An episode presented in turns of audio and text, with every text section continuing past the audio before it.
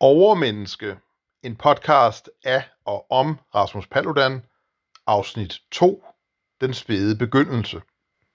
Velkommen til afsnit 2, hvor jeg forestiller mig, at det bliver i det kommende traditionelle format på en time, og jeg har nøje overvejet, hvornår jeg egentlig skal begynde min fortælling. Jeg ved, at jeg fortalte i første afsnit, introafsnittet, at jeg ville begynde ved Stram Kurs stiftelse den 15. juli 2017 i Roskilde, men jeg vil nærmere eftertanke tænkt, at det er bedre at begynde lidt før. Faktisk betydeligt før. Og derfor overvejede jeg, om jeg skulle begynde, da jeg var færdig med folkeskolen og gik i gang med gymnasiet, men det er nok alligevel at begynde lidt for tidligt. Og derfor tænker jeg, at min gymnasietid kan blive berørt med øh, flashback i løbet af de kommende afsnit, men jeg vil bare nævne, at jeg i løbet af 2. eller 3. G så et øh, opslag på en opslagstavle på gymnasiet, hvor der stod, at man skulle søge som sprogofficer, hvis man gjorde sig den slags tanker. Jeg synes, det lød enormt spændende. Og selvom jeg havde tænkt mig med det samme at begynde på jurastudiet efter min studentereksamen, så fik jeg pludselig blod på tanden i forhold til at søge ind som sprogofficer. Sprogofficer er en øh, elitær uddannelse inden for forsvaret, hvor man uddannes i løbet af to år, både som reserveofficer og som specialist i sprog, sådan at man kan fungere som militær tolk. Hvilket sprog det drejer sig om, er meget afhængig af forsvarets behov, men under hele den kolde krig og siden da, og i særlig grad formentlig nu og de kommende år, der er sproget russisk det helt afgørende, og da jeg havde mulighed for at søge ind som sporofficer, der var det udelukkende russisk, der var en mulighed. Og derfor øh, kan jeg jo glæde mig over, at øh, på baggrund af min skriftlige ansøgning blev jeg jo indkaldt til optagelsesprøve, som var ganske få dage efter, at jeg var blevet student i juni år 2000. Og øh, disse optagelsesprøver foregik over to dage. Den første dag på flyvestation Værløse, som var, kan man sige, de mere almindelige optagelsesprøver til, når man skulle være reserveofficer, IQ-testning og øh, forskellige spørgeskemaer og øh, forskellige fysiske prøver. Blandt andet skulle man løbe en Cooper-test, eller som man kalder det i forsvaret, en 12-minutters løbetest. Anden dag foregik så inde på Svanemøllen Kaserne ved det sted, som øh, dengang hed Hærens Specialskole, nu har man vist omdøbt det til Forsvarsakademiets Center for Sprog. Og der var det samtaler med øh, sprogundervisere og en psykolog og med øh, nogle forskellige chefer. Øh, der var en major og en oberstløjtnant, som øh, talte med en omkring ens ambitioner og øh, hvorfor man synes, de skulle vælge en. Og derefter var der så adskillige øh, tests i øh, sproglaboratoriet, simpelthen fordi de gerne ville prøve, om man havde øh, sprogkundskaber nok til, at man ville kunne have en mulighed for at gennemføre uddannelsen. Jeg vil sige, at øh, som 18-årig var jeg nok øh, ret naiv og måske ikke overdreven moden i forhold til, hvordan øh, verden var. Jeg var givetvis meget alvorlig og eftertænksom, men øh, modenhed er jo mere end det. Det er måske også at have en vis øh, forståelse for, hvordan øh, mennesker og verden fungerer. Jeg tror ikke, der er særlig mange 18-årige, der i virkeligheden har den indsigt. Men ikke desto mindre, så øh, var jeg åbenbart øh, tilstrækkeligt tung til, at jeg øh, blev optaget. Jeg tror, der plejer at være omkring sådan 200-300 ansøgere, og øh, 16 personer blev optaget. Så jeg er selvfølgelig glad for, at øh, jeg blev udvalgt til at være en af dem. Og øh, den glæde kan man jo ikke tage frem, og uanset at jeg er ikke så glad for, øh, hvordan det endte. Det endte nemlig øh, kun to måneder efter øh, uddannelsesstarten den 1. august, ved at jeg i starten af oktober blev hjemsendt på grund af en knæskade. Øh, det er i hvert fald øh, den officielle afgørelse, men uanset øh, det må man nok sige, at øh, den militære jargon var måske ikke det, som øh, passede sig bedst øh, til mig. Og jeg tænker umiddelbart, at øh, det nok har været noget, der har karakteriseret mig øh, Øh, derefter, eller faktisk hele livet, at øh, et hierarki, hvor man skal indordne sig, det er øh, ikke nemt for mig. Måske også fordi, hvis man er et overmenneske, så er man jo en, der danner sine egne øh, værdier. Så er man en sigma-mail, og en sådan har ikke lyst til at indordne sig under øh, samfundets normer. Især ikke fordi samfundets normer jo ofte er totalt tåbelige, hvilket Nietzsche, som vi jo talte om i afsnit 1, øh, påpegede øh, gentagende gange.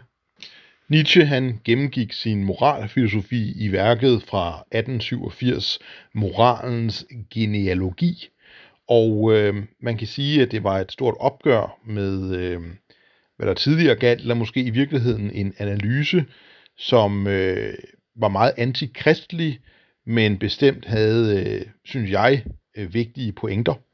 Nietzsche han øh, påpegede nemlig, at i klassisk tid, i de øh, homeriske digte og øh, i andre klassiske kulturer, som var baseret meget på krig, øh, der var der en herremoral. Det vil sige, at øh, dem, der havde magt og var stærke, de var de gode og fine, og øh, dem, som var slaver, de var slette og dårlige og beskidte.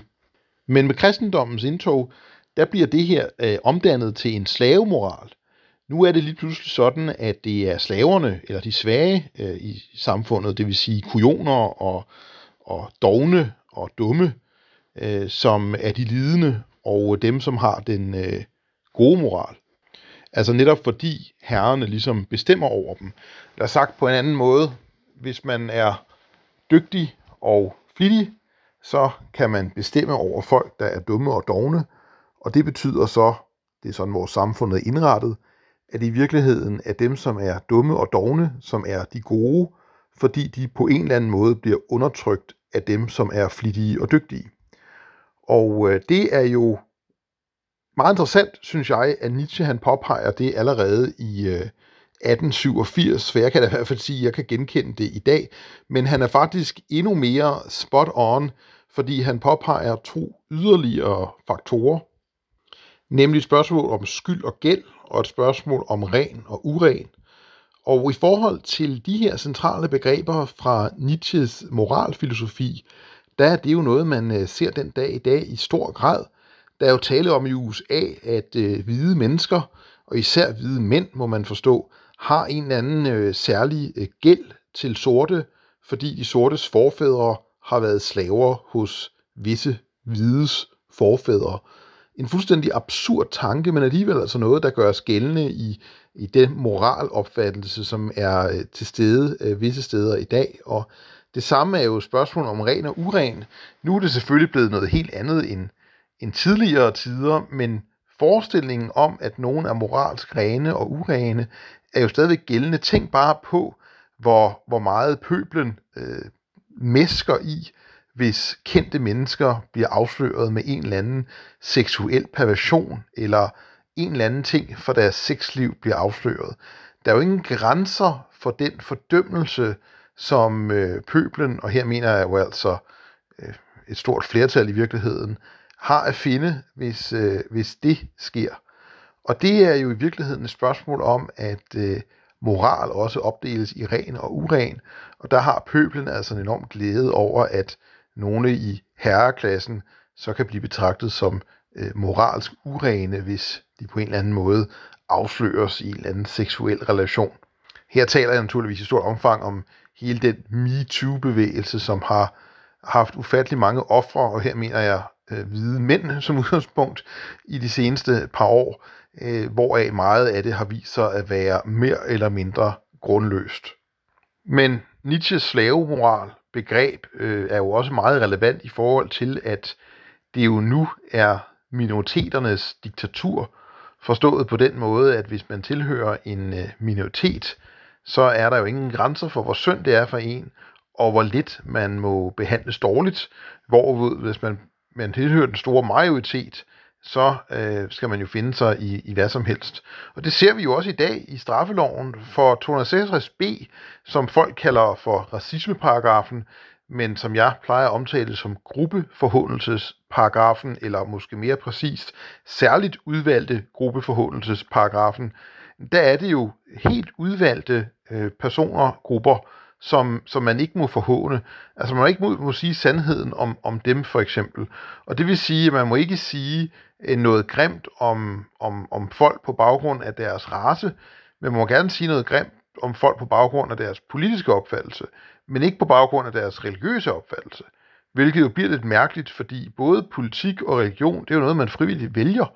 Så hvorfor skulle det så være sådan, at det ene frie valg, nemlig religion, det må man ikke kritiseres for, men det andet frie valg, politik, det må man gerne svines til for.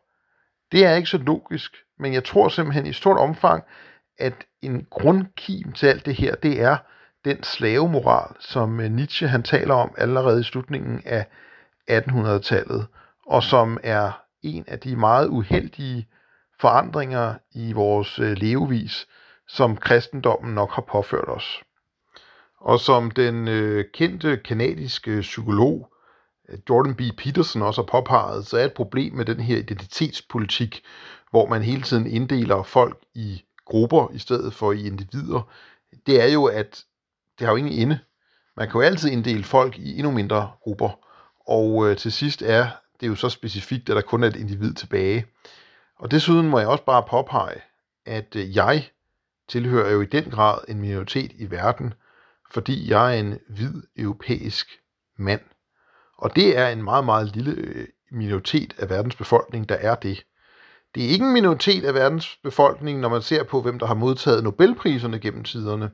Og det er sandelig ikke en minoritet af verdens befolkning, hvis man ser på, hvem der har skabt hele menneskehedens fremgang i århundreder. For der er svaret jo, at det er med meget få undtagelser hvide mænd, der har skabt menneskehedens fremgang. Så man har lyst til at sige selv tak, men nu er det jo ikke mig, der har skabt menneskehedens fremgang, bare fordi mine forfædre og andre i min etniske gruppe, altså hvide europæiske mænd, har været utrolig begavede og flittige. Men jeg kan vel sige det sådan her. Skal jeg skamme mig over, at det tilfældigvis er min meget, meget lille etniske gruppe, hvide europæiske mænd, der har skabt menneskehedens fremgang? Skal jeg gå på knæ og undskylde for det? Det er der jo to gode grunde til. For det første er det ikke mig, der har gjort det. Så allerede af den grund skal jeg ikke undskylde for noget. Men for det andet, jeg kan da godt føle en glæde over, at jeg tilfældigvis er født ind i den lille bitte minoritet i verden, hvide europæiske mænd, som har skabt verden. Og hvis jeg er rigtig glad, så kan jeg måske også tænke, at det på en eller anden måde forpligter. Kan det være sådan, at når mine forfædre var så dygtige, skal jeg ikke også prøve selv at være det så? Det er jo en interessant tanke. Og så kan man jo spørge, hvorfor råber folk Black Pride? Jeg har tit spurgt, for eksempel når en eller anden muslim på gebrokken dansk eller svensk siger til mig, at pågældende er stolt over at være muslim, så spørger jeg, aha, spændende, hvad er det islam har gjort i verden, som du er så stolt over? Og der får jeg aldrig noget svar. Det er altså formentlig to gode grunde til. For det første, den pågældende muslim ved sjældent særlig meget om islam, og for det andet, der er ikke rigtig noget, islam har gjort i verden, som man kunne være stolt over øh, gennem de 1400 år, hvor øh, islam som en øh, sygdom har spredt sig ud over hele verden. Men for at vende tilbage til øh, sprogofficerprojektet, så var det jo sådan, at i slutningen af juni 2000 fik jeg at vide, at jeg var blevet optaget på uddannelsen, som altså begyndte i starten af august, og hvad kunne jeg så bruge sommeren til? Ja, jeg valgte at tage øh, tre uger til USA. Altså 18 år gammel tog jeg over Atlanten alene i øh, tre uger, og øh, nu ved jeg jo ikke, hvor ofte folk som 18-årige rejser alene til USA i tre uger, men jeg kan da i hvert fald sige, at det var vel meget kendetegnende for den person, jeg var og er. Sidenhen har jeg jo rejst så meget i USA, at jeg faktisk kun øh, mangler Alaska. Jeg har besøgt 49 af de 50 delstater. Og det første sted, jeg kom hen, det var New York City, hvor jeg, jeg ved ikke hvorfor, formentlig af økonomiske årsager, havde valgt at øh, bo en uge på YMCA oppe West Side, og det kan man jo nok spørge sig selv om, hvorfor i alverden jeg valgte det. Men nu er det jo ikke så mærkeligt, at når man er 18, er kravene til komfort nok noget mindre, end når man er det dobbelte. Og jeg kan i hvert fald sige, at der var ikke meget komfort på øhm, øh, YMCA og på West Side. Jeg erindrer, at øh, det fælles øh, badeværelse på gangen, der kunne man simpelthen øh, nærmest øh, se folk sidde og, og skide. Men for at se det på den lyse side, så var det i hvert fald ikke et sted, der indbød til, at man opholdt sig særlig meget på sit værelse, og det øh, kan jeg jo sådan set glæde mig over, for det betød jo så, at jeg vandrede øh, byen øh, godt igennem. Jeg må bare sige, nu har jeg været i New York ganske mange gange siden da, og en uge for mig i New York, det er ganske enkelt alt for meget. Jeg synes, New York er en ekstremt intensiv og stressende by, og øh, senest jeg var i New York, der boede jeg slet ikke i New York, der boede jeg i New Jersey, øh, simpelthen for at undgå øh, alt den øh, støj og øh, ekstreme mængde mennesker, selvom jeg erkender, at det muligvis også kan hænge sammen med, at hotelpriserne i New York simpelthen har udviklet sig i en så sindssyg retning, at man jo nærmest skal være millionær for at have råd til at bo der. Og i New York, der havde jeg også øh, fornøjelsen af at øh, stå på toppen af World Trade Center. Det her, det var jo i juli 2000, så altså lidt over et år inden 11. september. Og med 11. september mener han naturligvis 11. september 2001, som jo var den dag, hvor USA blev angrebet af muslimske terrorister fra al-Qaida. To fly fløj ind i tvillingetårnene World Trade Center i New York. Et fly fløj ind i Pentagon, og det sidste og fjerde fly det styrtede ned i Pennsylvania, men det er teorien, at det fly var tiltænkt at flyve ind i det hvide hus. Sværere er der en øh, del unge mennesker, som ikke engang øh, var født, da 11. september 2001 skete, og derfor synes jeg måske, det kan være relevant, også for folk, der oplevede det, at øh, høre eller genopfriske, hvad der rent faktisk skete den 11. september 2001. Og øh, jeg kan sige, at øh, for mig var det da nok begyndelsen på en eller anden form for opvågning. Jeg kan ikke sige præcis øh, rodfæste, hvordan min fornemmelse for islam begyndte, men øh, jeg har helt sikkert fået et, øh, et eller andet form for indtryk af 11. september 2001. Der var jeg lige begyndt på jurastudiet nemlig. Men det, der skete, 11. september 2001, det var, at øh, terrororganisationen Al-Qaida, som består udelukkende af muslimer, som ønsker at gøre det, som Koranen siger, man som muslim skal gøre, nemlig føre jihad, hellig krig. De havde planlagt gennem meget lang tid at gennemføre et øh, omfattende terrorangreb i USA. Og det skete så ved, at de kabrede fire passagerfly, og øh, to af passagerflyene fløj de ind i øh, World Trade Center i New York.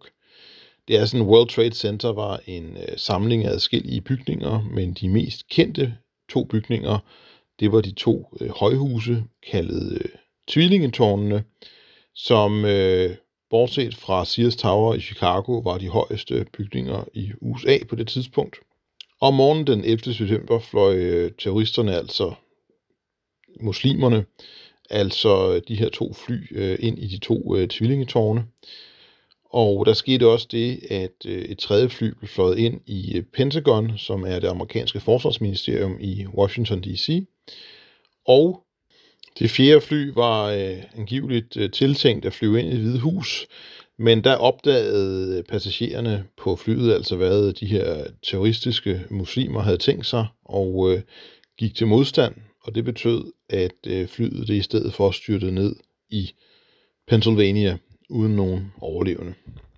Jeg kan huske, at jeg øh, arbejdede som øh, telefonsælger hos et øh, forsikringsselskab, som hed 3 kroner Forsikring ved Esplanaden, da jeg øh, hørte nyheden omkring, øh, at der var sket noget i øh, USA. Men det var faktisk først, da jeg kom tilbage til mit øh, kollegie i øh, Lyngby, at jeg kunne følge med på øh, fjernsynet og se, hvor utrolig omfattende det, øh, det der var sket, det var. Der døde næsten øh, 3.000 mennesker i forbindelse med de her muslimers øh, terrorisme og, og mor. Og dagen efter, den 12. september 2001, der besøgte jeg så den amerikanske ambassade og øh, kiggede på øh, alle de mange blomster, der var lagt. Det var noget, der ændrede øh, verden ret, øh, ret meget, og øh, jeg kan kun begræde, at øh, en forandring, der i hvert fald ikke er sket det er, at øh, de fleste mennesker, de stadig ikke kan eller vil anerkende, øh, hvad islam er, og at islam er ensbetydende med øh, mor på ikke-muslimer. Man skulle tro, at øh, med alle de muslimske terrorangreb, der har været siden 2001, at øh, folk så fik øjnene op for det, men øh, det lader det jo ikke til. Så øh, man åbner sine egne arme og lader sig myrde åbenbart. Noget, som også er ret interessant, det er, at øh, da jeg besøgte Washington D.C., der fik jeg en øh, rundvisning i øh, Pentagon. Og det er jo ikke helt så enkelt længere. Nu kræver det jo, at man bliver øh, meget, meget grundigt undersøgt, hvis man som turist gerne vil vises rundt i, i Pentagon. Men øh, det var altså ikke tilfældet i år 2000. Der kunne man øh, nærmest på sit glade ansigt få en øh, rundvisning. Efter Washington øh, D.C. fløj jeg videre til Las Vegas, og øhm, det er faktisk sådan, at det i hvert fald på det tidspunkt, og formentlig stadigvæk kan være ret øh, besværligt at være 18 år øh, og alenerejsende i Las Vegas, da langt de fleste øh, hoteller, øh, i hvert fald øh, på det tidspunkt, øh, krævede, at man var 21 år for, at man kunne bo på hotellet, øh, altså ved mindre selvfølgelig, man var med sine forældre.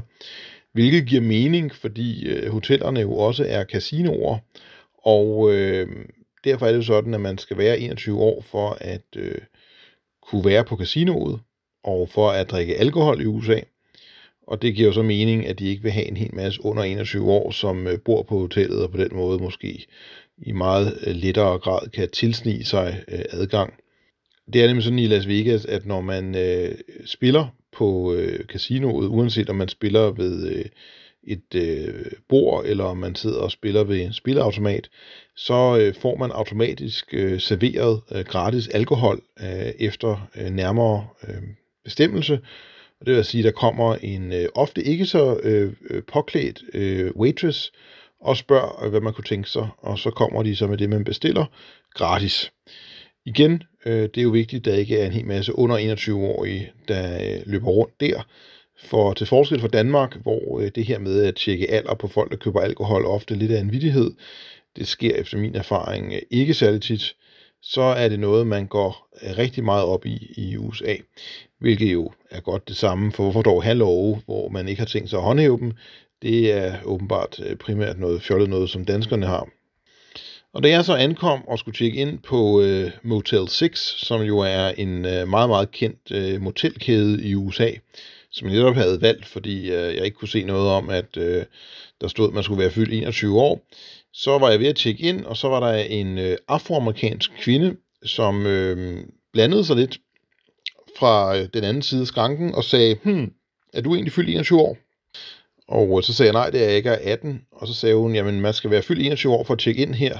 Nå, sagde jeg. Jamen, det vidste jeg ikke noget om. Jamen, det var fordi, de havde nogle spillermaskiner stående i receptionen, så derfor var de forpligtet til at, at kræve det. Men hun ville godt lige høre øh, deres manager. Og hun gik jo så ind øh, i bagkontoret til manageren, og øh, kom så ud og sagde, at han havde sagt, at det var okay. Når jeg nu var fra, fra udlandet, var det okay. Men hvis det havde nogle af de lokale, så var de blevet smidt ud med det samme. Ja, USA er et meget øh, fascinerende land. Og øh, en af de ting, jeg gjorde, da jeg var i Las Vegas, det var jo så ikke at spille på casino, da jeg kun var 18 år. Det har jeg gjort øh, en del gange sidenhen. Men øh, jeg tog blandt andet en endagstur med bus til øh, Grand Canyon, som jeg bestemt vil anbefale, fordi det er en helt fantastisk oplevelse at, øh, at se det. Og det minder mig faktisk også om en øh, film fra øh, 90'erne, som hedder lige præcis Grand Canyon, som er en, synes jeg, meget livsbekræftende film, der handler om en øh, advokat i Los Angeles og hans familie, og hvordan det hele vikler sig sammen med andres skæbner. I bund og grund starter filmen med, at han øh, løber tør for øh, benzin øh, midt i et ret dårligt område i LA, og øh, bliver omringet af en, en afroamerikansk bande, og så kommer der så en afroamerikansk øh, mand med sådan en, øh, et fejeblad for at hente bilen, og føler advokaten redder hans liv ved at få banden til at lade ham være. Og det udvikler sig så, og man følger de forskellige skæbner. Det er en meget interessant film. Grand Canyon fra 93. Hvordan omstændigheder er det en øh, god oplevelse, synes jeg i hvert fald, øh, som ganske ung, at øh, rejse alene i et øh, land øh, ganske langt borte, sådan at øh, man kan bevise over for sig selv, at øh, man godt kan stå på egne ben. Nu var det jo ikke sådan i øvrigt, at det var en helt ny oplevelse for mig at, øh, at rejse. Øh, jeg havde jo faktisk øh, året inden i øh, 99 været med den jævnaldrende Ulla på en interrail øh, backpacking tur rundt i Europa. Og det er selvfølgelig ikke helt alene, men det er stadigvæk øh, ganske øh, selvstændigt som 17-årig, vil jeg sige. Og øh, jeg øh, kan da sige, at da vi ankom til øh, Amsterdam, jeg har en eller anden øh, opfattelse af, at de gange, jeg har været på øh, banegården i Amsterdam, at det altid er en øh, ret spooky oplevelse at komme ud øh, foran øh, stationen, og øh, det var det så sandelig også, da jeg ankom med Ulla der i øh, 99. Og noget endnu sjovere var jo så, at vi faktisk øh, åbenbart øh, skulle bo på et øh, kristent herberg, som lå midt i øh, Red Light District, og øh, på det tidspunkt, jeg tror ikke, det er sådan længere, men på det tidspunkt, der var det sådan, at de prostituerede i Red Light District, de simpelthen stod i sådan nogle øh, udstillingsvinduer, hvor man kunne gå forbi og, øh, hvad kan man sige, se på varerne. Og øh, det kan jo selvfølgelig godt være lidt en ny oplevelse for en øh, 17-årig. Men øh, det tog mig nu øh, ganske stille og roligt. Øh, jeg tror, Ulla hun himlede lidt med øjnene, da jeg øh, betragtede øh, det, der bød sig til. Og øh, det var i hvert fald en, øh, en spændende tur rundt i øh, USA. Øh, og ikke så mindre, så havde alting jo en ende, og det endte jo så med, at jeg startede på øh, herrens sergeantskole i Sønderborg. Og øh, meningen var, at jeg så der skulle gennemføre en øh, sergeantuddannelse, den samme eksamen, som alle sergeanter skal til, med den forskel, at normale sergeantelever de har 8 måneder til den på sergeantskolen, og almindelige reserveofficerer har øh, 6 måneder, mens sprogofficererne skulle altså gennemføre det samme på 4 måneder. Og det betød altså, at øh, der var rigtig meget undervisning, og når de andre fik fri og kunne gå i byen, så havde vi for eksempel øh, skydetræning om aftenen. Så nej, der var ikke øh, tid til øh, særlig meget afslappning, det vil jeg sige. Det var to øh, meget intense måneder, jeg var på sergeantskole, og øh, det kan godt være sådan, øh, når man ser tilbage på tingene, at de tager sig øh, noget bedre ud, end øh, sådan som de blev opdaget, det skete. Men jeg vil i hvert fald sige, at det lærte mig blandt andet, hvor utrolig vigtigt det er at være i god øh, fysisk form, hvis man skal være soldat.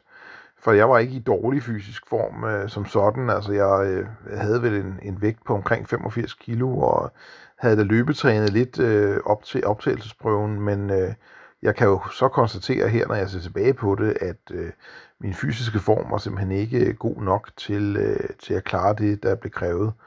Og øh, selvom jeg forbedrede min kondition helt utrolig på øh, to måneder, altså det viser virkelig, hvad der kan ske, hvis man løber hver dag. Og det er jo sådan, at hvis man løber en tur i skoven, så har man jo måske en tendens til at, at stoppe op med at løbe, men øh, det er jo ikke noget, der hedder på, på øh, sergeantskole.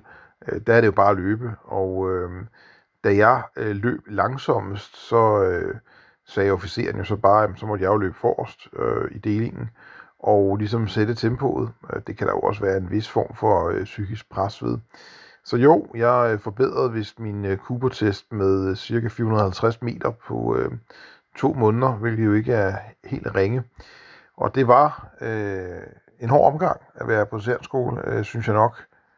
Men øh, naturligvis også øh, meget lærerigt, det må jeg sige. Jeg tror, jeg havde svært ved at øh, forstå øh, det nærmere øh, idé med meget af det, vi lærte, fordi det var så abstrakt en tanke at skulle i krig, og øh, jeg havde sådan set mest valgt øh, den her uddannelse, fordi jeg gerne ville være militær tolk, altså sprogofficer, ikke for at jeg ville grave huller og øh, ligge bioak om natten, selvom jeg jo altså fik den mulighed også så sandelig. Og når jeg siger mulighed, så er det selvfølgelig en eufemisme. Jeg mener naturligvis, at, at det blev jeg nødt til. Øh, det fik jeg ordre om. Det var en del af uddannelsen. Nu er verdenssituationen jo en helt anden, og nu er jeg jo øh, blevet bevidst om, hvor vigtigt det er, at øh, danske unge mænd er øh, kampberedte. Og jeg tænker tit på, at øh, det er meget ærgerligt i det her meget digitaliserede samfund, at der ikke stilles større krav til øh, fysisk udfoldelse blandt øh, ungdommen, især unge mænd. Øh, det er simpelthen øh, nødvendigt, at der er øh, stærke unge mænd til at forsvare landet. Øh, for det er jo sådan, at når først folk har passeret de øh, 40, så er de ikke rigtig øh, kampduelige øh, soldater eller øh, matroser eller flyvesoldater længere. Og det er jo altså det, der er behov for en her, og i søværnet og i flyvevåbnet, der er behov for øh, folk, der kan kæmpe og dræbe fjenden. Og øh, det er ærgerligt, hvis folk bliver chokeret over, at jeg siger det, for det er jo hele pointen med at have et forsvar. Det er jo netop, at man kan stå imod og øh, kæmpe øh, og dræbe, nedlægge fjenden. Og selvfølgelig også at øh, være øh, afskrækkende i forhold til at øh, måske overbevise fjenden om, at de ikke skal angribe. Jeg tænker for eksempel på øh, antikens øh, Grækenland, hvor øh, der jo var to øh, vigtige forhold i kulturen, som var fuldstændig anderledes, end, end hvad vi har i dag. Øh, for det første, så var det jo en fuldstændig selvindlysende øh, pligt, at man naturligvis øh, stillede sig til rådighed for forsvaret og øvede sig i at øh, kæmpe som øh, soldat øh, eller på anden vis. Det har vi ikke haft i Danmark i meget, meget lang tid, og jeg tror, det eneste land, jeg umiddelbart kan pege på, hvor det er en selvfølge i lighed med øh, oldtidens Grækenland, det er nok landet Israel, hvilket jeg øh, synes er, er meget fint, men så åbenlyst også nødvendigt. Og jeg har jo selv besøgt øh, Israel og øh, lagt mærke til de øh, mange unge mennesker, der er øh, i uniform og med deres våben øh, fremme. Og det, øh, det er faktisk en, en, en god ting at øh, efterleve også i, i Danmark, synes jeg. Øh, det har jeg synes i lang tid, men øh, nu kan man sige, at sikkerhedssituationen de sidste par år har selvfølgelig gjort, at visse andre også er vågnet, og det er jeg glad for. Problemet er bare, at øh, dem, der er vågnet, det vil sige levebrødspolitikerne på Christiansborg, de tror kun, at øh, der er tale om en ydre fjende, altså for eksempel Rusland, men de har endnu ikke se, indset, at der også er tale om en indre øh, fjende. Og øh, man kan huske, hvordan øh, romeriet faldt. Det var jo af, to øh, årsager i bund og grund. Den første årsag var, at der var en massiv indvandring af fremmede, og den anden årsag var, at øh, de væbnede styrker blev kraftigt øh, minimeret. Og øh, det var altså nok til, at romeriet de øh, brød sammen.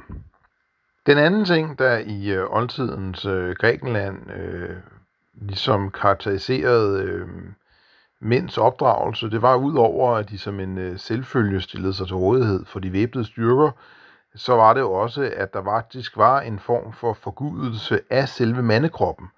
Man anså simpelthen, at øh, mænd var meget øh, smukkere end øh, kvinder, og den unge mands krop var simpelthen det ypperste, som øh, grækerne kunne forestille sig, og derfor øh, var der jo god anledning til at øh, konkurrere øh, i sportsgrene, og øh, sportsgrenene var selvfølgelig i stort omfang militariseret, det vil sige, det var sportsgrene, som havde relevans for den væbnede kamp. Øh, det foregik jo, øh, hvor man var nøgen, og øh, der blev så uddelt øh, præmier ikke kun øh, til dem, som øh, var bedst i de forskellige sportsgrene, men også til dem, som havde den flotteste krop. For eksempel den flotteste biceps eller øh, de flotteste øh, lårmuskler osv. Og det kan godt være, at i dagens øh, kultur, der lyder det nærmest øh, homoerotisk. Men sådan så øh, grækerne jo slet ikke på det, for der var jo ikke et koncept omkring øh, homoseksualitet og heteroseksualitet i øh, oldtidens øh, Grækenland. Øh, der var det jo sådan, at man naturligvis øh, Øh, giftede sig med en kvinde og fik børn med hende, men at der jo ikke som sådan var noget galt i, at man øh, dyrkede kærligheden øh, også øh, med øh, mænd. Øh, det var øh, sådan set øh, ganske normalt. Så ja, tiderne ændrer sig så sandelig. Og øh, jeg er heller ikke sikker på, at det vil være en god idé nødvendigvis at gå så drastisk til værk, at man lige frem laver øh, sportsudøvelse øh, nøgen og kåre øh, den unge mand med den bedste biceps. Det er måske i virkeligheden at afvige øh, for meget for de nugældende øh, normer, men at øh, dyrke øh, folk, unge mennesker, der er dygtige til sport, og at opfordre flere til at, at øh, tage hånd om deres krop for både deres egen skyld, men også for øh, nationens sikkerheds skyld, det synes jeg vil være en rigtig god idé. Så ja, tiden på øh, sergeantskolen i øh, Sønderborg var utrolig øh, lærerig. Og øh, det var ærgerligt, at øh, det ikke gik, som jeg gerne ville. Men øh, på den anden side, så er det jo sådan, at øh, det er jo ikke så meget øh, de nederlag, man øh, får. Det er mere, hvordan man øh, vælger at behandle øh, nederlagene. Så øh, det var, øh, som det var, og jeg blev altså hjemsendt efter et par måneder. Og derefter øh, skete der noget, som skulle vise sig at få stor betydning 20 år senere for hele verden faktisk. Og det var, at jeg et par måneder arbejdede på et IT-firma i Stockholm. Og hvorfor er det så øh, meget, meget vigtig begivenhed? Jamen det er det, fordi øh, det viste sig jo, uden at jeg havde været klar over, da jeg åbenbart automatisk var blevet svensk statsborger, da min øh, skånske far havde giftet sig med min danske mor den øh, 1. juni 1989. Og det øh, Øhm, ville jeg sådan set have fortabt, hvis jeg ikke havde afgivet en øh, anmodning om at øh, blive forblive svensk statsborger øh, på et tidspunkt øh, i starten af min øh, voksentid, med mindre jeg inden mit øh, 21. år havde boet øh, i øh, Sverige. Og det gjorde jeg jo i de her par måneder i efteråret 2000, da jeg arbejdede i Stockholm. Jeg boede øh, på, på øh, en adresse og øh, sørgede også for at øh, blive registreret som øh, indrejst og boende i Stockholm, hvilket skulle vise sig 20 år senere at få meget, meget afgørende betydning. For det var jo sådan, øh, at jeg i august 2020, da jeg skulle deltage i en demonstration i Malmø, blev stoppet på øh, Øresundsbroen af svensk politi og blev meddelt en skriftlig afgørelse om, at jeg var udvist, afvist fra Sverige og havde indrejseforbud i to år som en trussel mod øh, Sveriges øh, sikkerhed. Min øh, daværende stabschef i Stram Kurs, han, øh, efter jeg var kørt tilbage til Danmark med politiets efterretningstjeneste, der gik han hen for at finde den politimand, han lige skulle tale med om noget. Og så så han bag et skur, der stod der fire, nej fem arabiske øh, politifolk og gav hinanden high fives og var meget tilfredse med det, de havde opnået nu, nemlig at øh, nedgøre og fornedre en øh, dansk og svensk øh, statsborger og øh, udvise ham af hans eget land. Det viste sig nemlig, at da jeg så skrev til øh, de svenske udlændingemyndigheder og gjorde gældende, at øh, jeg sådan set efter at have undersøgt loven, måtte anses at være svensk statsborger også fra den 1. juni 89, det vil sige have dobbelt svensk dansk statsborgerskab, så måtte de jo svare ja, det har du sådan set ret i, fordi du blev det automatisk, da dine forældre blev gift, og da du har boet i Sverige, inden at du blev 21 år, så er der ikke nogen øh, grund til, at du ikke stadigvæk skulle være det. Så derfor viste det sig faktisk, at øh, det, at jeg øh, forlod sergeantskolen i utide og få måneder arbejdede i Stockholm i år 2000, skulle vise sig at få meget afgørende betydning øh, 22 år senere. Men altså, mit ophold i øh, Stockholm fik også en ende, og øh, i begyndelsen af 2001, der øh, søgte jeg så øh, om optagelse på jurastudiet på Københavns Universitet, og øh, skulle begynde der i september 2001, og i mellemtiden, der rejste jeg en del, og øh, fik så også den ikke altid fantastiske fornøjelse, men dog fornøjelse af at arbejde i Netto igen. Jeg havde nemlig arbejdet i Netto, da jeg var øh, 15 år, som øh, flaskedreng, et koncept, som vil ikke finde så meget længere til betragtning, at øh, maskinerne vil klare det hele efterhånden, men øh, det er jo altså en servicemedarbejder, som er under 18, som øh, ikke får særlig meget løn, men som sætter varer op og ordner pandflasker og den slags. 2001 var øh, også året, hvor jeg jo altså som nævnt øh, rejste enormt meget, og øh, blandt andet øh, var jeg i februar i Vancouver for jeg havde faktisk ifølge, øh, ifølge min, løbet min gymnasietid været meget engageret i en, i en tv-serie, som var meget, meget øh, populær på det tidspunkt, som hed The X-Files, som jo meget apropos det, jeg har talt om overmenneske, handlede om den evige rebel, FBI-agenten Fox Mulder, som jo øh, udforskede de her øh, spændende X-Files, altså øh, sager om det paranormale, som led i en større øh, konspiration, som øh, visse dele af øh, de offentlige myndigheder havde mod folket. Jamen det lyder jo sådan set som taget ud af øh, antivaxernes øh, coronakonspiration, men jeg vil sige, at konspirationer, øh, de har eksisteret øh, øh, i, i al den tid, jeg har levet i hvert fald også øh, længe før, og øh, det kan være meget interessant. Øh, det er jo sådan, at øh, selvom der ikke nødvendigvis er en stor sammensværgelse, øh, så der er jo ikke nogen tvivl om, at øh, offentlige myndigheder, offentlige ansatte og politikere, de ganske ofte øh, gør øh, ting, som er ulovligt og amoralsk. Og det ved vi jo. Det har vi jo senest set øh, gentagende gange her i Danmark bare de sidste par år. Blandt andet med øh, mink-skandalen og øh, så vil jeg kalde det minkskandal nummer to, nemlig at de embedsfolk, som jo åbenlyst brød loven og var ansvarlige for store dele af den sammensværgelse og ulovlig aflivning af mink, der foregik, de simpelthen ender med ikke at få nogen straf overhovedet. Det er helt utroligt, at danskerne finder sig i det. Men øh, resultatet af det her, øh, den forbrydelse mod både øh, minkavlere og befolkningen, det var altså, at øh, Mette Mink, Slette Mette, hun fik to ekstra mandater ved det seneste valg. Ja, nogle gange så øh, forstår man da godt, at Churchill sagde, at det bedste argument mod demokratiet er to minutters samtale med den gennemsnitlige vælger. Men de første øh, fem sæsoner af X-Files blev faktisk omtaget, optaget i den øh, kanadiske by Vancouver, og der begav jeg mig altså hen der i øh, februar øh, 2001 for at lave en øh, tur over de øh, forskellige øh, lokationer, så øh, en ægte journalist allerede i øh, 2001.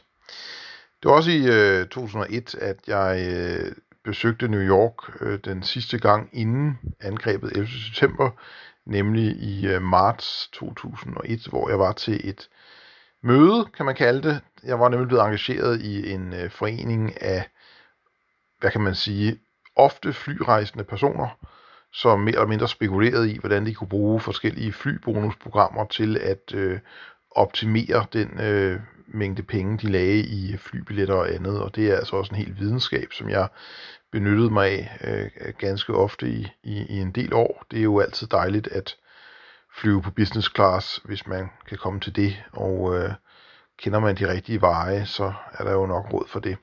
Så det var i hvert fald en, øh, en fornøjelse, og øh, det var faktisk også den eneste gang, som jeg husker det, at jeg øh, mødte øh, Randy Peterson, det øh, øh, ikonet inden for øh, Flyer Talk, som det hed. Og øh, sommeren 2001, der øh, fløj jeg med en god øh, ven fra gymnasiet til øh, USA, hvor vi også var i øh, en tre ugers tid. Og øh, som jeg nævnte tidligere, har jeg jo rejst rigtig, rigtig meget i USA. Formentlig fordi det er forskelligt, men alligevel ikke øh, så forskelligt som øh, noget mere eksotiske destinationer i verden. Men øh, også fordi at det jo øh, er et, et meget fascinerende land, hvor man i virkeligheden kan sige i stort omfang, at øh, at øh, der er så stor forskel på forskellige dele af USA, at man nogle gange øh, tænker, at man er øh, vidt forskellige øh, steder. Det har jeg der i hvert fald øh, tænkt meget over, øh, når man tænker på et, øh, et dybt, dybt øh, socialistisk orienteret, progressivt mekka som øh, Oregon for eksempel. Og når jeg siger øh, progressivt mekka, så er det helt bevidst, fordi det er jo en fuldstændig absurd øh, tanke, at øh, der skulle være et værdifællesskab mellem øh, de progressive øh, socialister, øh, kulturmarxisterne, postmodernisterne, som jo er altså en og samme ting, og så øh, muslimer, øh, kvæg Mekka. Men ikke desto mindre, så er det jo ofte de her øh, venstre ekstremister og progressive, som forsvarer hensyntagen til øh, muslimer, selvom muslimer og islam jo står for en hel masse helt grundlæggende værdier, som er fuldstændig i strid med, hvad øh, progressive kulturmarxister mener. Øh, for eksempel tanken om, at der skulle være mere end to køn, er jo fuldstændig latterligt for islam og for muslimer. Øh, og man kan da også, hvis man skal sige noget positivt om islam, øh, sige, at øh, muslimske lande har ikke noget problem med transkønnede, for indbyggerne i muslimske lande ved godt, at man kan ikke være andet end det køn, man er født med. Og dermed er der ikke nogen, der får den absurde tanke, at de kunne være et andet køn.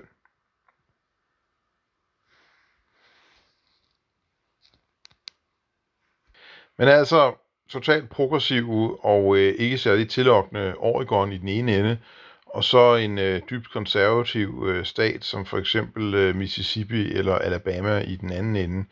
Det er jo øh, virkelig øh, store forskelle, og øh, hvor der er det om, at øh, hvis jeg skal opholde mig steder i øh, USA, så foretrækker jeg nok som udgangspunkt nogle ganske øh, republikanske øh, konservative stater. Jeg synes simpelthen, at øh, folk er meget mere gemytlige der, end de er i de mere øh, demokratiske, progressive øh, stater. Eller sagt på en anden måde, folk kommer så i hvert fald mere øh, ved og er mere patriotiske, og øh, det er nok også derfor, jeg synes, at stater som Oregon og New Jersey, de er nok lige til at, øh, ja, det er ikke det fantastiske. Til gengæld sådan nogle gode stater som øh, for eksempel øh, Texas, øh, hele øh, Bible Belt, øh, altså øh, Louisiana, Mississippi, Alabama, Georgia, øh, udmærkede stater, og også øh, lidt længere nordpå, som for eksempel øh, Wyoming, øh, Montana. Det er, øh, det er rare steder at være, og jeg kan sige, at hvis man som dansk turist lægger vejen forbi Idaho, så skal man nok ikke regne med særlig mange andre danskere, og det kan jo også være meget rart. Men der er selvfølgelig også øh, demokratiske stater, som kan være ganske behagelige, ofte de mere rurale, og jeg kan sige, at øh, øh den dejlige øh, øh, skovstat Vermont øh, og hovedstaden øh, Burlington, hvor øh, Bernie Sanders jo har været øh, borgmester, hvilket er, er ret utroligt, fordi mere progressiv socialist finder man jo næsten ikke, men øh, det er jo simpelthen en, en, en dejlig naturskøn øh, stat, og også så få indbyggere, så den i virkeligheden på sin vis minder øh, ret meget om øh, Wyoming i forhold til folket, selvom øh, det er jo en meget demokratisk øh, stemmende stat. Men jeg begyndte altså på øh, jurastudiet i september 2001, og øh, der flyttede jeg også hjemmefra øh, for alvor. Nu kan man sige, jeg havde jo boet i Stockholm, som jo var flyttet hjemmefra øh, på sin vis, og øh, jeg havde jo også været på socialskole, som jo også var flyttet hjemmefra på sin vis, men sådan helt øh, fuldstændig totalt øh, flyttede jeg hjemmefra øh, til kollegiet i Lyngby, der hedder Nyborgård kollegiet, som ligger øh, teknisk set i Gladsaxe Kommune, øh, lige op af Marienborg, hvor øh, den til hver tid siddende statsminister øh, bor eller kan bo. Og øh, jeg begyndte så på jurastudiet. Det er meget interessant. Øh, jeg bliver jo tit spurgt, om øh, jeg har haft øh, dårlige oplevelser med indvandrere eller muslimer, øh, siden jeg har de holdninger, jeg har, hvilket er en lidt pussy øh, tilgang til politik, for det skulle nødt være sådan, at mine politiske holdninger er baseret på, om individer har behandlet mig godt eller dårligt. Det vil altså sige, at hvis jeg bliver behandlet dårligt af en nordmand, så synes jeg, at øh, der skal ikke være adgang for nordmænd i Danmark eller hvad. Det er jo en helt absurd tanke, øh, og min politiske holdning øh, bygger sig naturligvis på fakta øh, omkring verdens tilstand, og jeg synes flere politikere faktisk burde øh, lave deres politik på baggrund af, hvordan verden er, og ikke på baggrund af, hvordan de ønsker, at verden er. Øh, simpelthen fordi øh, man bliver nødt til at tage udgangspunkt i tingenes tilstand. Så kan man altid ønske at forandre dem, men når man for eksempel øh, har den tilgang, at øh, kvinder er lige så gode til at være soldater som mænd, øh, Øh, så er det jo ganske ikke rigtigt. Det er jo sådan åbenlyst forkert. Og øh, man kan jo ikke øh, lave love øh, efter øh, noget, som ikke er virkeligheden. I hvert fald så øh, kan man sige, at, at jeg har ikke som udgangspunkt haft flere dårlige oplevelser med muslimer end, end andre mennesker, og det er selvfølgelig ikke derfor, at jeg ikke mener, at islam skal være i Danmark. Øh, det synes jeg er også vigtigt at huske på, og det er der sikkert mange unge mennesker, der ikke kan forstå, at i min barndom, der mødte jeg jo ikke nogen muslimer. Altså, jeg tror aldrig, jeg har mødt en muslim i, øh, i hele min periode i folkeskolen. Det var der simpelthen ikke. Der var en enkelt øh, person fra øh, Libanon, som jeg ville kunne have mistænkt var muslim, fordi han var omskåret, som gik i, øh, i min klasse i øh, 5. Og 6. klasse, eller 4. 5. og 6. klasse nok. Øhm, jeg fandt så ud af mange år efter, at han faktisk slet ikke var muslim, han var katolik. Så det har så været en mere kulturel ting, der gjorde, at han var omskåret antagelig.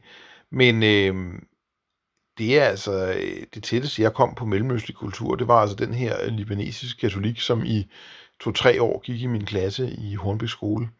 Så øh, det, at jeg skulle have haft en dårlig oplevelse med, med, min, med nogen muslim i min barndom, det kan jeg fuldstændig afvise, fordi jeg, jeg mødte slet ikke nogen muslimer i min barndom. Og øh, det samme gør sig sådan set gældende på øh, gymnasiet jeg gik jo på Helsingør Gymnasium i tre år fra øh, 97 til 2000, og øh, jeg har ikke nogen erindring om, at jeg har mødt nogen øh, muslim på, på gymnasiet. Det er meget muligt, at der gik muslimer på gymnasiet, men det kan godt nok ikke have været mange. Øh, det, det, der, der taler vi måske om en håndfuld maksimalt. Det er i hvert fald ikke nogen, jeg kan erindre, jeg nogensinde har talt med, eller har haft hverken gode eller dårlige oplevelser med. Så derfor er det selvfølgelig interessant, hvornår begynder jeg at blive opmærksom på, at der er nogle andre mennesker i Danmark, som jeg ikke synes skal være i Danmark. Og øh, som jeg siger, min opfattelse er blevet dannet gennem mange år baseret på fakta. Men øh, det er selvfølgelig øh, fuldstændig øh, rigtigt, at jeg kan jo også til dels have, have set virkeligheden, og også i et vist omfang have dannet mig øh, opfattelse på baggrund af det. Og interessant med det, det er faktisk, at det sker ret tidligt. Jeg tror sådan set, at det går op for mig sådan helt grundlæggende, og igen, det er jo selvfølgelig en opfattelse, der bliver suppleret og videreudbygget af, af mange andre øh, data. Men øh, jeg, jeg forestiller mig, at det nok formentlig er, er sket ret tidligt for mig, efter jeg flyttede til øh, stor, Storbyen. Nu er Lyngby jo ikke Storbyen nødvendigvis, men jeg kom jo trods alt øh, de fleste hverdage i København, da jeg jo studerede der. Og øh, på et eller andet tidspunkt må det være gået op for mig, at der boede øh, nogle mennesker i København, som i virkeligheden ikke havde særlig meget til fælles med, øh, med danskere. Og jeg kan forestille mig, at det blandt andet skyldes, at jeg første år på jurastudiet trænede en del i øh, et, øh, et træningscenter, som lå ved øh, Nørrebro station.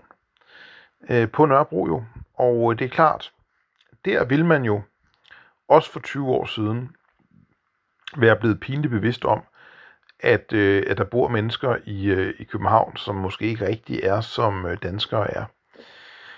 Og det her taler jeg ikke kun om, at de måske øh, har sort hår, og brune øjne og en brunere, øh, mørkere hud.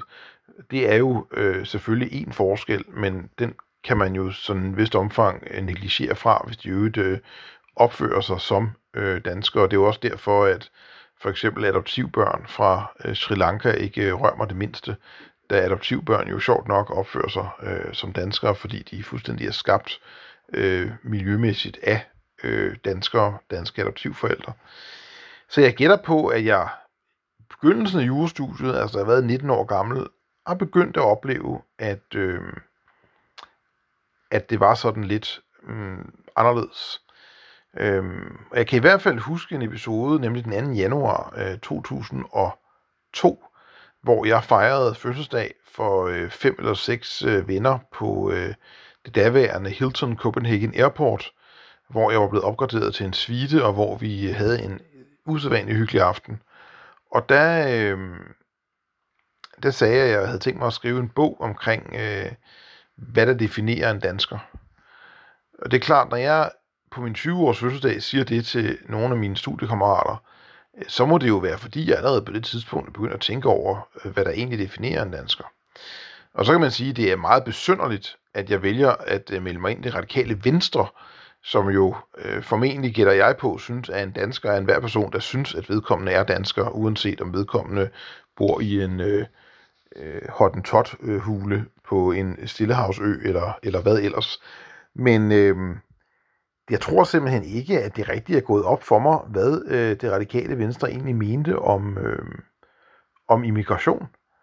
Øh, det øh, holdt som øh, måske et par år, for jeg kan da erindre, at øh, det endelige dødstød til mit medlemskab af det radikale venstre var jo til et øh, møde i hovedbestyrelsen i Vælgerforeningen København og Frederiksberg, hvor jeg øh, kommenterede øh, Manu Serens oplæg omkring øh, en ny udlændingepolitik for det radikale venstre, og jeg så øh, sagde, at jeg synes, det var rigtig godt, at man, man skulle gøre sig fortjent til at, at være her.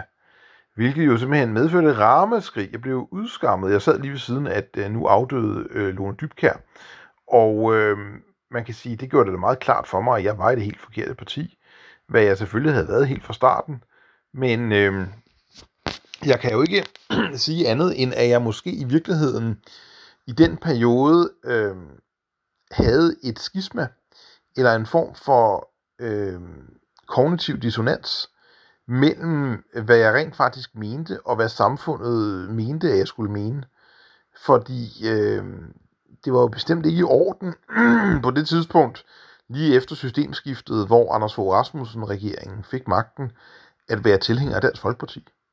Øh, at mene det var jo helt uhørt.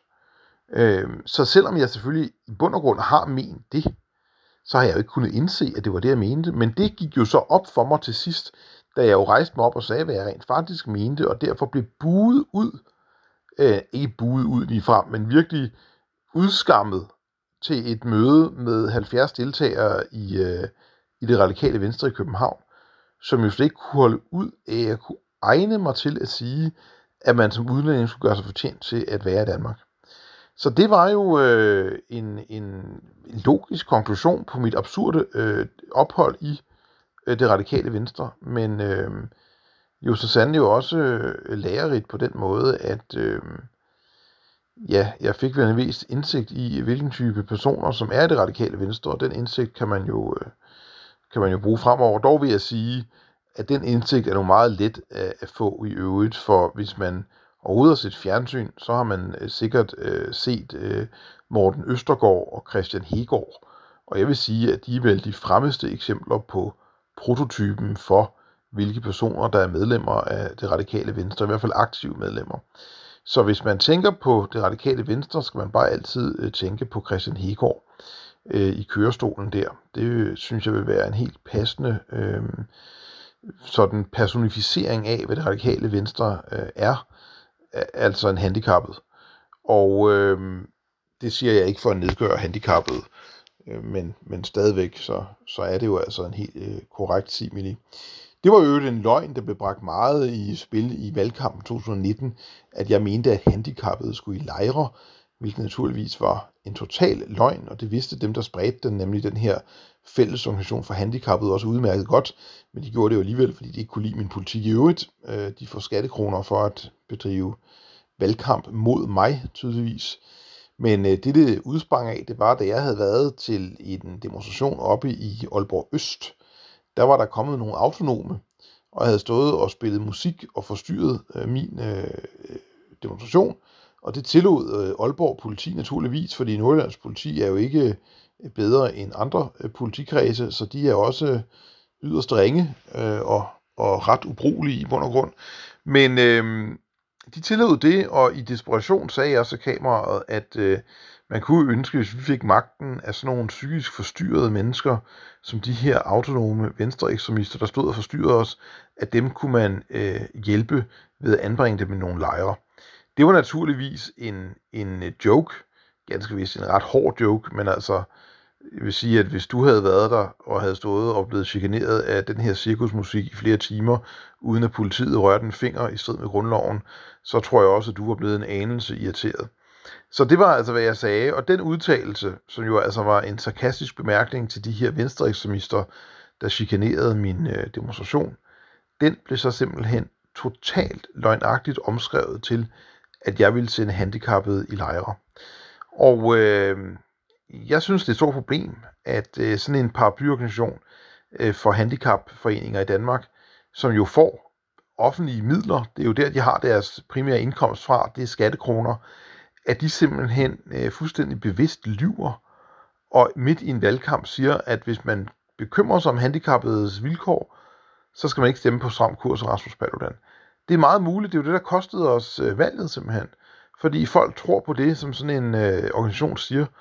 Og øh, det gør selvfølgelig, at øh, når jeg oplever det her igen og igen, både fra skatteyderbetalte foreninger, som blander sig for at skade mig øh, på en eller anden måde, og når jeg også oplever det fra pressen, så kan jeg jo godt blive en anelse mistroisk. Og det er selvfølgelig ærgerligt, fordi så kommer jeg til i pressen at fremstå som en person, som er øh, øh, brysk og øh, ikke er tillidsfuld. Men årsagen er jo meget enkel. Det er jo, at når jeg oplever i overvis, at pressen og forskellige øh, NGO'er, de simpelthen er dybt løgnagtige og nedrige, ja, øh, så reagerer jeg nok ikke anderledes end de fleste andre mennesker ville, nemlig at så bliver jeg ret træt og ret skeptisk over for øh, sådan nogle personer. Så det er nok forklaringen, og jeg ved godt, det var et lille sidespring i forhold til min øh, beretning øh, i øvrigt, men øh, jeg synes da lige, at jeg ville øh, runde af med at konstatere, at øh, hvis man øh, gerne vil vide en, en figurativ beskrivelse af øh, det radikale venstre og deres øh, medlemmer, øh, så må man jo altså sige, ud over enhver rimelig tvivl, at så vil det være korrekt at øh, forestille sig en øh, handicappet person, der taler lidt specielt siddende i en øh, kørestol.